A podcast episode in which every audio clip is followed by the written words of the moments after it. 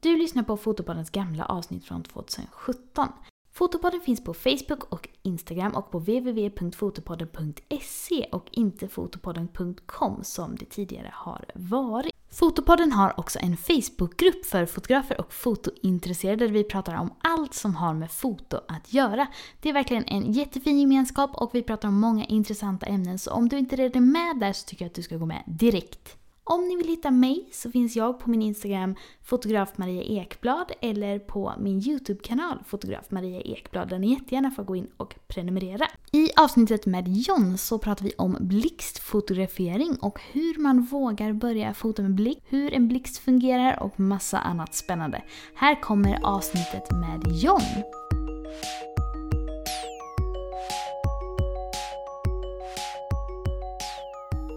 Hej och välkommen till ett nytt avsnitt av Fotopodden. Idag sitter jag här hemma hos mig med John Hagby. Hej hej! Hej! Välkommen hit! Tack så mycket. Du är ju en eh, önskad gäst här. Vad roligt att höra. Ja, det är roligt att spela in. Ja. För de som inte känner till dig, vill du berätta lite om dig själv? ja, jag är 45 år gammal. Mm. Eh, Lever ihop med min sambo och eh, har ganska nyligen fått två utflugna barn då, eller bonusbarn. Det känns lite tomt hemma nu. Mm. Som tur är så har vi en liten katt också som besvärar oss la- lagom mycket. Eh, har en stor passion för fotografering. Eh, sen gymnasietiden så började jag fotografera. Och eh, ganska strax efter jag började fotografera så intresserade jag mig för studiodelen och sådär också då. Så att ljussättningen, förstärka budskap och så med kontrollerbart ljus, det, är, det har blivit min stora grej då. Jobbar idag deltid som fotograf och deltid som eh, säljare eller inspiratör för ett företag som heter iFo. Som säljer studioutrustning och sånt via återförsäljare. Vad roligt! Och hur länge har du arbetat med foto? Ja, det är till och från faktiskt. Jag började direkt efter gymnasiet och började jobba på ett lager som då hette Tura Nord, numera Tura Scandinavian. Eh, som också har prylar som säljer via återförsäljare. Sen har jag hunnit med några yrkesfotobutiker, några buti- vanliga eh, konsumentbutiker och sådär då. Men det har oftast varit inom detaljhandeln, men med fotoknytning. Jag har hunnit hunnit med utbilda mig och jobba som kock och utbilda mig och jobba som nätverkstekniker också. Så att jag har gjort lite avstickare men någonstans har foto dragit mig tillbaka. Det är en passion som jag inte kommer undan helt enkelt. Många strängar på lyran då. Ja, det ska jag inte säga nu. Nu är det mest eh, eh, enkel matlagning hemma men, eh, men eh, ja, jag har försökt göra lite allt möjligt sånt som har intresserat mig. Och studiofotografering då, Mm. som vi ska snöa in på idag. Och blixt, kontrollerbart ljus som du sa. Vad är det som du tilltalas med det?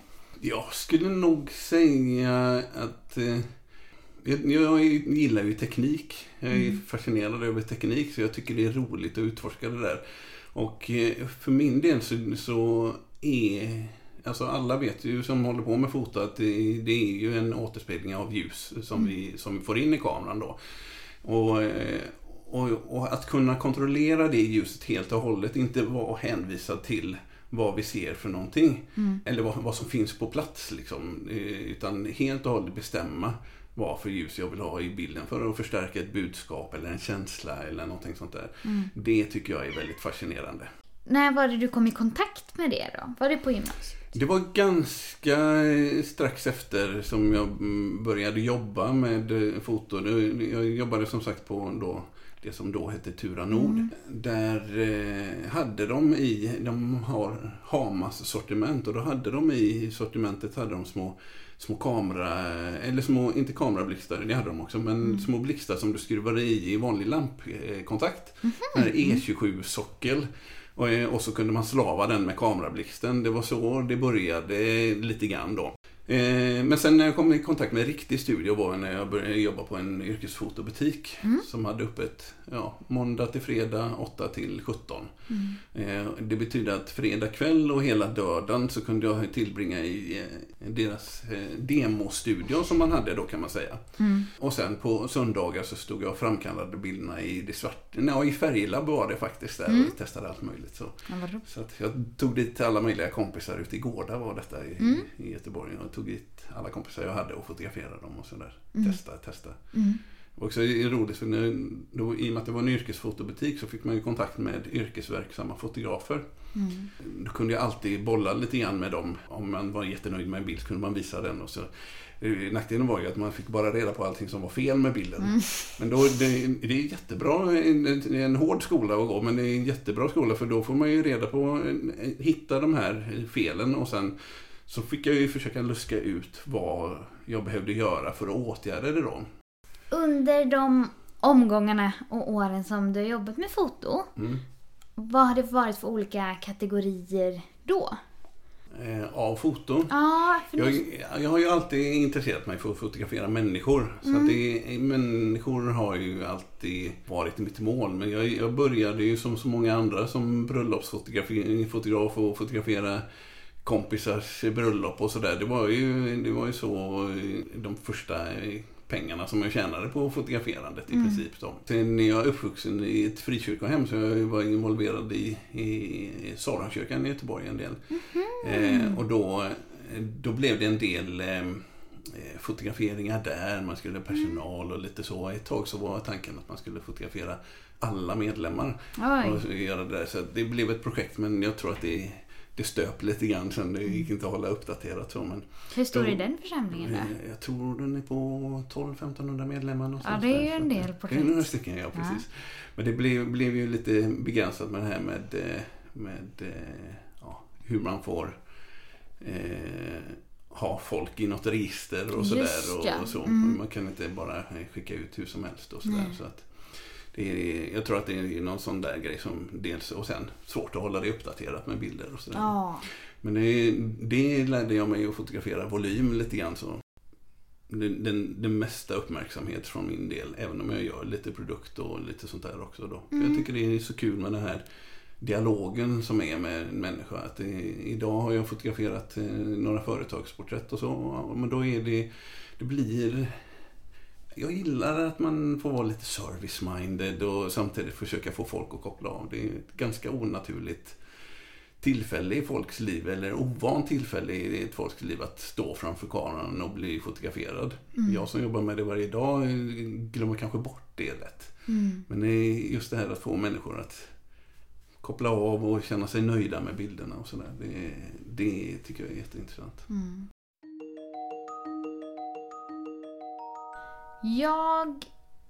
Nu talar jag mycket utifrån mig själv då, men jag vad jag även kan ha hört av andra och liknande att många tycker det är lite svårt och jobbigt att börja med Alltså gå från dagsljus till att bestämma själv över ljuset. Mm, mm. Har du några tankar kring det? Eh, Egentligen, jag tror att många, många som inte har provat på det eller fått en, liksom, en någorlunda vettig introduktion eh, anser det vara lite avskräckande. Det, det kan jag förstå. Min första introduktion till riktig studioblixt var här i på-knappen. Om du vrider åt det hållet får du mer ljus, vrider du åt det andra hållet så får du mindre ljus. Och så var det bara, varsågod. Och det var, eh, det var en introduktion som, som faktiskt fungerade ganska bra för mig. För det, egentligen är det ju så att studioljus är ju... Du, du kan bestämma... Du sätter igång studioljus och du kan ge den mer ljus eller mindre ljus. Eh, Sen så är det ju ytterligare då ja, karaktären på ljuset och så. Men, men om man jämför med, med att fotografera i befintligt ljus, dagsljus eller eh, något, något ljus som finns här. Så den enda skillnaden är ju bara att mängden ljus styrs ju av, av eh, volymen ljus som du har på eh, din, din blixt helt enkelt. Eh, och sen såklart att vi inte, man kan inte utnyttja kamerans ljusmätare utan man, får, man får fotografera manuellt. Men fotograferar du manuellt ändå och gör dina val manuellt på kameran då är du definitivt redo att börja fotografera med blixtljus. För vad du har är ju som sagt, det är ju en dimmer egentligen. Det är bara det att det händer som en impuls istället för det vanliga fasta ljuset som vi ser. Mm. Men tror du inte också att det, det känns... Eller när jag tänker på det, jag fotar ju med blixt eh, när jag fotar nyfödd. Eh, Men då har jag bara en blixt och så har jag en ljusformare nu som jag liksom är van vid. Men om jag skulle tänka på en riktig studiouppsättning, ja, inom citationstecken. Mm. Att det är så många val med massa olika ljusformer, man kan ha ljus från massa olika håll och, Mm. Mm. och det gör ju att det känns komplicerat. Ja, jo men det gör det. Ljus kan ju bli hur komplicerat som helst. Mm. Eh, Men jag har ju, jag har ju faktiskt en, eh, en kurs som eh, handlar bara om att ljussätta med ett ljus. Mm. Man kan göra så mycket med bara ett ljus. Mm. Sen är det ju så om man tittar på egentligen liksom, om man nu ska köpa blixtar och så, så är det ju oftast ett kit med två blixtar Mm. eller någonting sånt där. Men om man tänker sig att det ljuset som är på, i mitt fall då en modell, Mm. det är bara med ett ljus. Mm. Eh, Den andra blixten kanske man använder som eh, att lysa upp bakgrunden till exempel eller ge, ge någon form av effektljus på bakgrunden eller Mm. så. Så det man, jag tror att man ska verkligen skynda långsamt. Man ska utforska ett, en ljuskälla, ett ljus till att börja med. Mm. Sen är det ju om man tror att det är någonting som man vill jobba med och man vill göra en investering så är det ju en klar fördel att köpa ett sånt här kit som kanske innehåller två blixtar då eller någonting sånt där. Mm. För då kan man börja bli kreativ med miljön också. Så att ett ljus på modell, ett ljus på omgivningen som man vill ha med i bilden också. Mm. Eller om man fotograferar utomhus, en batteridriven blixt, så har du ett ljus på modell. Sen använder du det befintliga ljuset för att göra resten av jobbet helt enkelt. Nu kanske vi kommer in på dumma frågor här. Mm. Men med att belysa bakgrunden. Är det liksom en ganska vanlig studieuppsättning? Att man har då på personen och även på bakgrunden? Ja, om man, om man frågar mig så är det en av de, de bästa för kombinationer. Eh, Så jag, jag brukar inte rekommendera att man, om man nu har två blixtar så, och man vill skapa en, liksom en dynamik i bilden, sätter ljus från ena sidan på en människa som man exponerar med och sen kanske lättar upp skuggsidan med den andra blixten då. Det är risk att det blir knasigt. Det, då, då kommer det komma ljus från båda ljuskällorna på samma yta. Mm. Där de möts, de ljuskällorna då. Och det betyder att du får två stycken högdager om man säger så, eller reflektioner av ljuskällan. Dessutom så skapar båda ljuskällorna antagligen skuggor Mm. som då kan ställa till det. Och det är oftast där man känner att "Men det här blev inte bra, det blev inte snyggt. Mm. Men om du håller dig till en ljuskälla och kanske investerar i en reflexskärm istället. Mm. Då är det mycket, mycket lättare att han- hantera. För det är väldigt sällan en reflexskärm i sig själv skapar en skugga. Mm. Eh, Så att då slipper du den här extra skuggan som är då. Och då kan du dedikera ljuset till bakgrunden. Så- eh, för en, en, om du ljussätter det på ett korrekt sätt så kan en vit vägg bli en svart vägg. Mm. Eh, Och allting däremellan också då. Mm. Ja, det är så häftigt tycker jag. ja, det är fräckt. Mm. Jag har mest haft lite så här, ja men beigea och så. Men jag tänkte att jag ska köpa en vit bara för att experimentera lite. Mm, mm.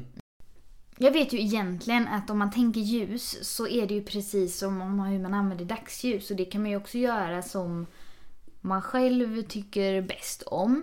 Men när man fotar med en blixt, är det något speciell riktning man bör tänka? Eh, Jag brukar... eh, Det är inte bara jag, utan jag tror, gissar alla som lär ut eh, studioljus brukar ha, om man säger, lite av en nollpunkt, en startpunkt för var du placerar ljus. Eh, jag har döpt det till den fotografiska Da Vinci-koden. För Da Vinci placerar ljus 45 grader upp med en riktning 45 grader uppifrån och ner mot objektet och 45 grader utifrån kamerans vinkel. Så att eh, snett från höger eller vänster, uppifrån från höger eller vänster. Eh, det gör att eh, saker och ting får en skugga som är, lika lång som objekt själv är. Eh, och det blir en ganska lättläst bild, behaglig bild att titta på då. Eh, det är en bra utgångspunkt.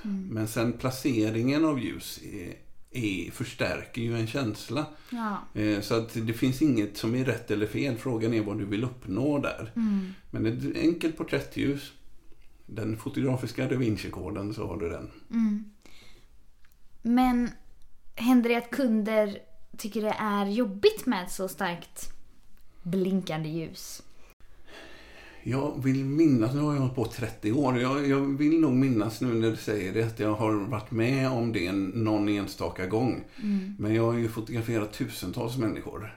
Och det är ganska ovanligt alltså. Jag, jag, jag har för mig att jag har någon som har besvärats av det. Och sen såklart med dagens blixtar så kan du ju hålla ett otroligt tempo för den laddar om så jättefort då.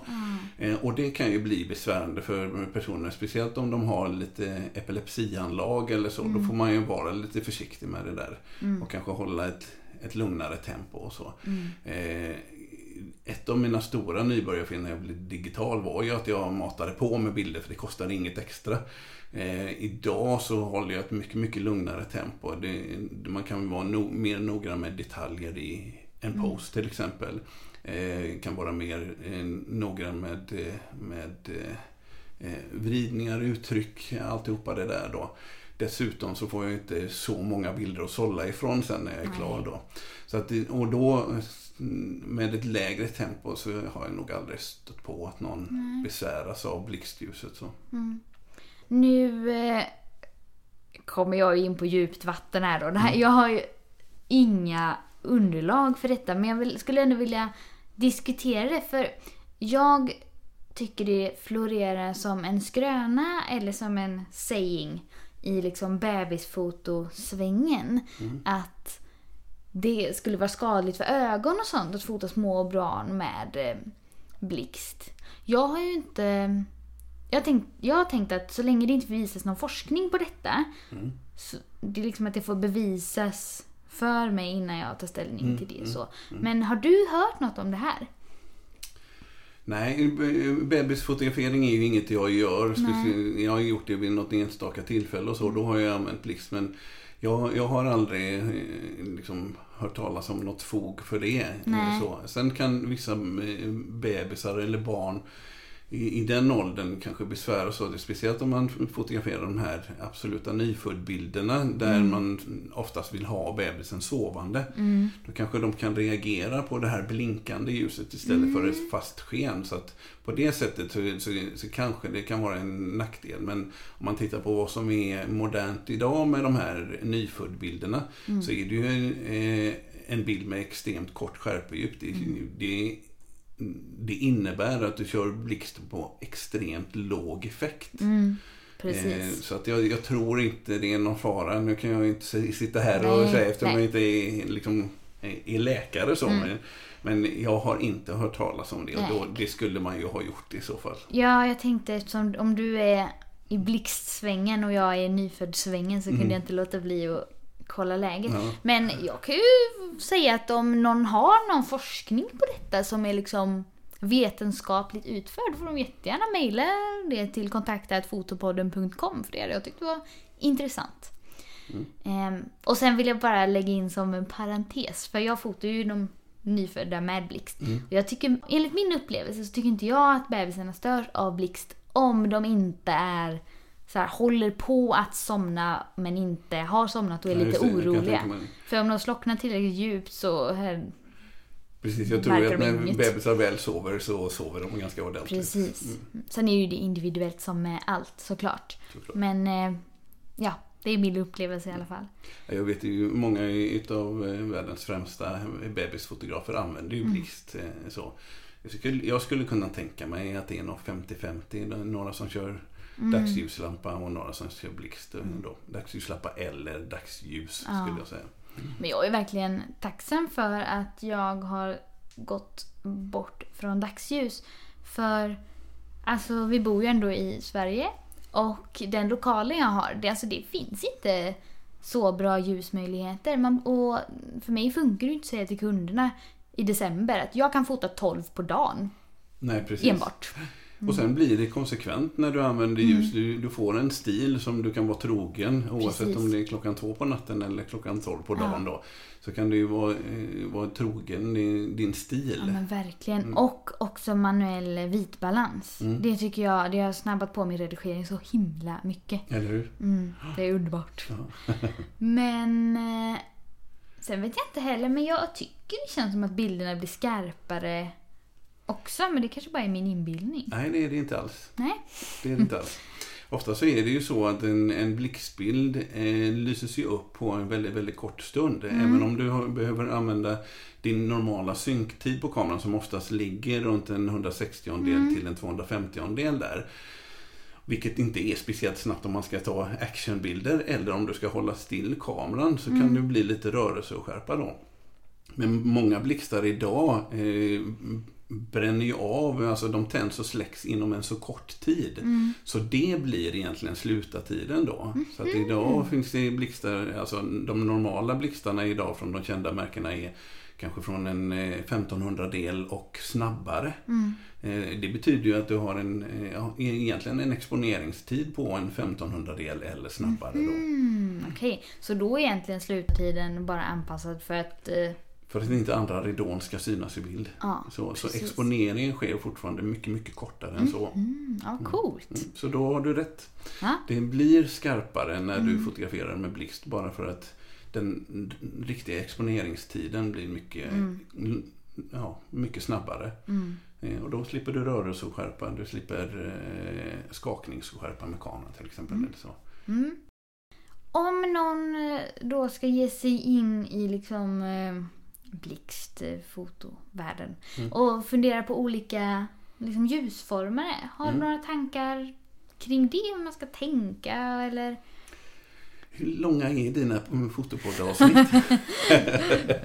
40 minuter ungefär. ja, jag har, har eh, mycket tankar kring det. Ja, Eh, ta de bästa. Ja, alltså det, jag brukar när jag håller föredrag och så, i, både i olika butiker och på mässor och, i, och hos fotoklubbar och sådär, eh, så brukar jag dra de tre grundreglerna i, i, i, i ljussättning. Mm. Det, det hela handlar om att, att ju närmare du sätter ett ljus, Mm. desto mjukare blir det. Mm. Eh, bara för att mjukheten består av storleken på ljuset och kommer det närmare så upplevs det större gentemot min modell om man säger så. Det är samma om du har en stor ljusformare så får du också ett mjukare ljus då. Mm. Och det som är skillnaden när man pratar om mjukt och hårt ljus för en fotograf kontra en lekman inom området är att eh, för en fotograf om man ska definiera mjukt ljus så har det bara med eh, övertoningen från belyst sida till skugga att göra. Är den övertoningen lång, då har det ett, vad vi definierar som ett mjukt ljus. Sen kan skuggan vara helt kolsvart, alltså det kan fortfarande vara en kontrastrik bild då. Men alltså om, du då, eh, om man som amatör eller lekman tittar på, på eh, ett ljus så kanske man definierar en kontrastrik bild som ett hårt ljus. Mm. Men det behöver inte vara det. Har du däremot en, en kort transaktion eller gradering från belyst sida till skuggsida, Mm. ja, men då har du ju ett hårt ljus. Men det kan ju vara en ganska liten exponeringsskillnad om du lättar upp med en reflexskärm till exempel. Men det är fortfarande definierat i min värld som ett hårt ljus då eftersom övertoningen är. Så att ju, ju större ljusformar du har desto mjukare ljus får du. Mm. Eh, ju närmare du flyttar den desto mjukare ljus får du. Mm. Eh, och sen så styr du kontrasten i bilden för att få en upplevelse av en, en mildare ljussatt bild eller en, en hårdare ljussatt bild. Då. Mm. Det där med att ju större ljusformer desto mjukare ljus. Mm. Det är lite samma tankevurpa för mig som när jag var jätteny på foto och hade svårt att haja det här med bländartal. Mm, just det. Mm, långt Det är kort lite tvärtom med Ja. grejen. Så. Jag förstår egentligen inte varför det blir så. Ja, det mjuka, egentligen är det ju så att har du en stor ljusformare så Mm. är det egentligen ytterkanten av ljusformaren når längre runt en, ett hörn om man säger så. Det, är runt Mm. en sväng. Om du sätter ett ljus från sidan på en människa Mm. eh, så kommer ju kanske centrum av ljuset att slå på näsan om man säger så. Vi sätter den precis från sidan. Mm. Men du har ju lite ljus som, som egentligen slår framför modellen. Så. Mm. Några av de ljusstrålarna har en inåtgående verkan. Mhm. Och drar du en rak linje mellan det ljuset Mm. så kommer det nå längre bort i kinden ju närmare kamerahållet den kommer. Mm. Det lät som en ekvation som, som var konstig. Jag Mm. Det är svårt att förklara med, med bara ord, det är lättare att illustrera. Yes. Men det är så att har du en större ljusformare så får du en mer... eh, Tänk dig en större famn. Ja. Eh, En större famn kan krama om längre Mm. kring någonting. Mm. Och en stor ljusformare är en större famn. Mm. Så skulle man kunna säga. Mm. Ja, jag är ju inte mästare på fysik. Nej.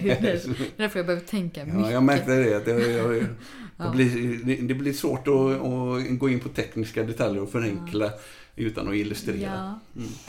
Ehm, men du nämnde förut eh, blixtfoto utomhus. Mm. Mm. Kör du det mycket?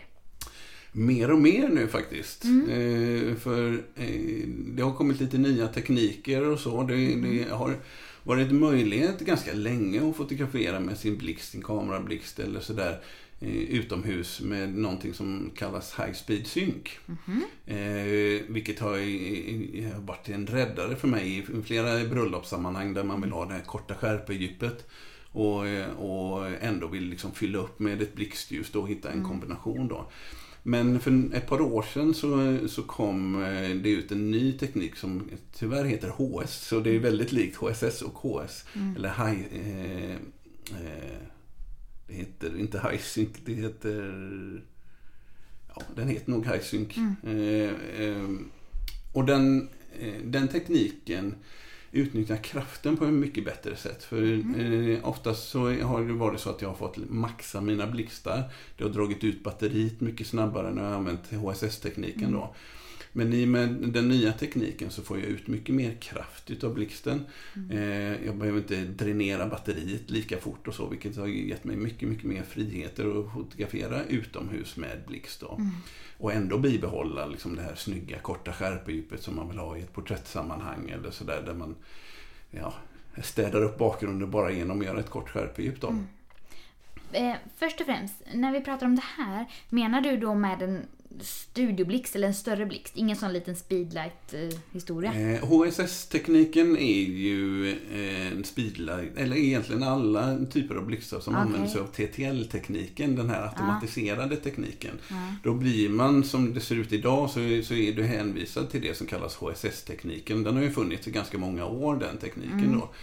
Eh, Medan HS-tekniken som är det nya, den är bara ett par år gammal. Eh, och den är ju då hänvisad till blixtar som inte har TTL i sig. Eh, och jag kan bli hur tekniskt nördig som helst kring det där då. Men, men det, är- det är vissa saker med TTL-tekniken som tvingar att när man ska göra det som jag kallar översynkfotografering, alltså synkfotografering på snabbare tid än vanliga synktiden. Så du kan fotografera på en 4000 del eller 8000 del eller så. Då är TTL-blixtar är hänvisade idag till eh, HSS-tekniken som egentligen strobar massa blixtar under exponeringen. Då. Men tar du bort TTL-funktionaliteten ur en blixt och har en blixt som har en lång brintid istället så kommer den för kameran att fungera mer som en, som, bara som en väldigt stark lampa.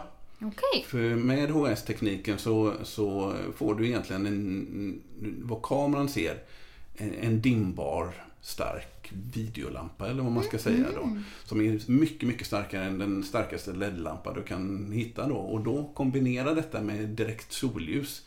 Det är så snyggt alltså. Men för det var det jag ville komma till också.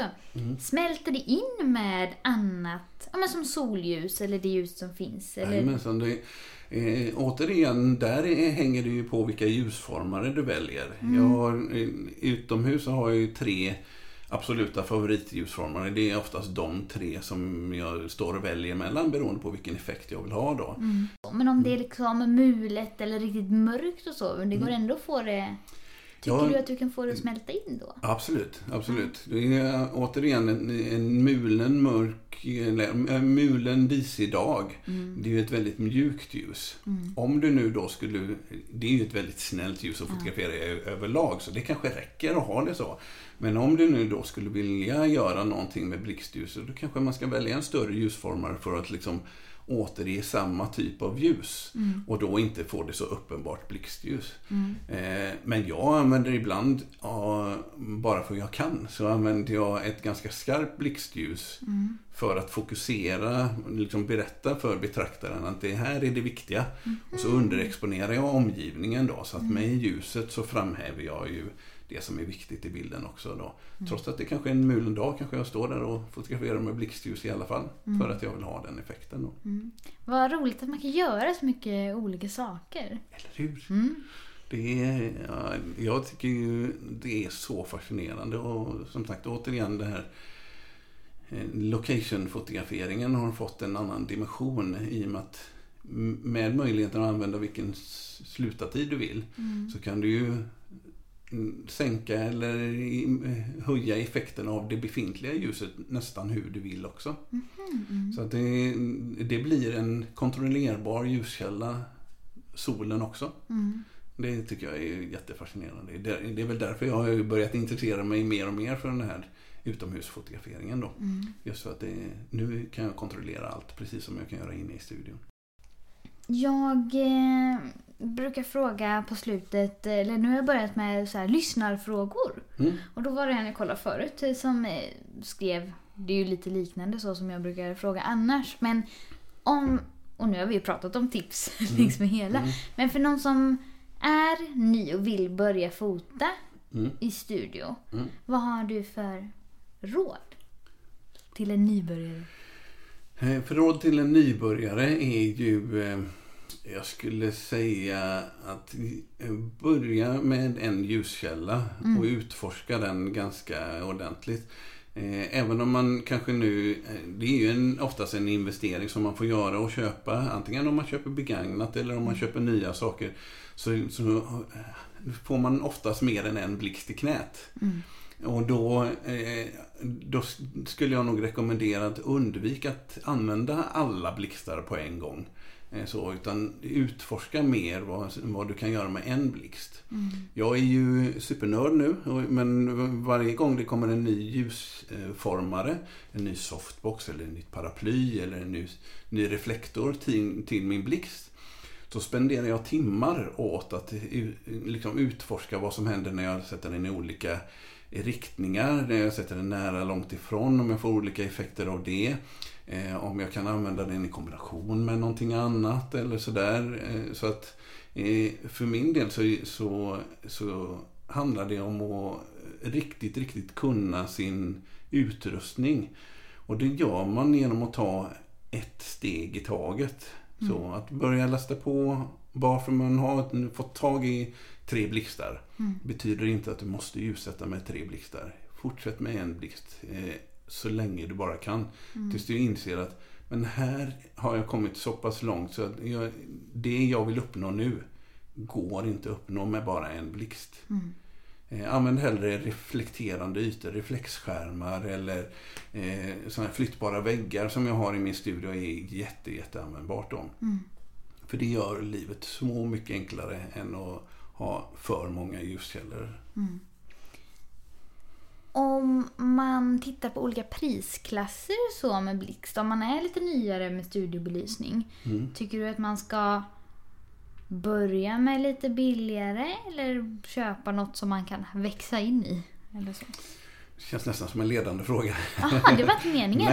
Nej, jag, för min del så är det ju verkligen så att, att eh, om man börjar, om man tror att man är intresserad av studioljus Mm, eh, och tror att det är någonting som man vill satsa på. mm, Då, om du köper ett, eh, ett märke av en enklare typ, eh, ett riktigt budgetmärke då. mm, Då är det ju ofta så att det du köper i kittet, det är Mm. det du får. Och skulle du vilja liksom utvecklas Mm. med din ljussättning, skaffa nya ljusformer och så, så är det inte helt givet att det kommer eh, vara möjligt att bygga ut det. mhm, mm. Det är också så med många av de här enklare blixtarna, billigare blixtarna, är att de är instabila i färgtemperatur och eh, i exponering.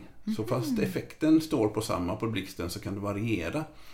Det ger ju en nackdel när du ska sitta och para ihop bilder sen. Att du har fått en som är lite varmare i tonen än en annan. Att du har fått en som är under eller överexponerad gentemot en annan bild till exempel. Och så. Det gör ju ganska mycket pusslande då. Så jag skulle nog rekommendera att har du det minsta intresse för att eh, förkovra dig inom studiofotografering så ska man jobba med ett av de mer erkända märkena och där finns det ju flera stycken. Mm. När vi mejlade så nämnde du något om ett projekt som du höll Ja. på med. Vill du berätta har- lite om det?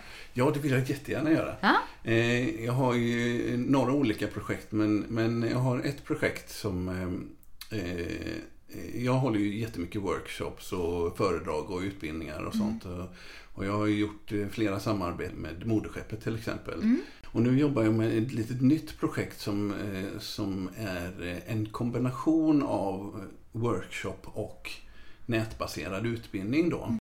Så att vi kommer kombinera förinspelade lektioner med eh, webbinarbaserad utbildning då. Vilket gör att eh, när du då har tagit till dig lektionen så kommer du få göra hemuppgifter eller inlämningsuppgifter då för att liksom testa och, och, och någonstans själv få bekräftat att du har förstått hur det hänger ihop då. Så det blir en, eh, en interaktiv eh, webbkurs kan man säga då. Eh, som jag tror kan bli jätte, jätteintressant då. Mm. Vad spännande. ja, väldigt intressant. Jag tänker att vi ska börja avrunda här. Men om man vill hitta dig och dina bilder på internet, vad ska man eh, gå in på då? Eh, då kan man gå in på min hemsida som är www.pictpro.se. .se. Eh, man kan också titta på eh, ett samarbete som jag har med en annan fotograf. Eh, där vi heter studio-pi.se. PI. P, pi, ja, som matematiska eh, symbolen. Fast du skriver pi i. Man kan också titta på Instagram. Det, där är jag nog mest frekvent uppdaterad på. Där det blir lite behind the scenes-bilder och sånt där. Och Pitpro Foto heter jag där. Och eh, så har jag en Facebook-sida också. Mm. Så det, jag, jag sprider mig lite överallt Yes. sådär. Så. Klassiska ställena. Ja, precis. Fotopodden hittar ni på www.fotopodden.com och Fotopodden på Facebook och Instagram. Och nu har vi även en Facebookgrupp och där får ni gå med och prata om avsnittet och hitta andra fotokompisar att fika med och eh, nörda vidare. Mig hittar ni på fotograf Maria Ekblad på Facebook, Instagram och Youtube. Och tack så mycket för att ni har lyssnat. Och tack för att du var med John. Tack så mycket. Det var jätteroligt att få Ja. vara här Det var jättespännande. Jag har lärt mig massor. och få prata. Ja. Hej då alla lyssnare, så hörs vi om två veckor. Hej då!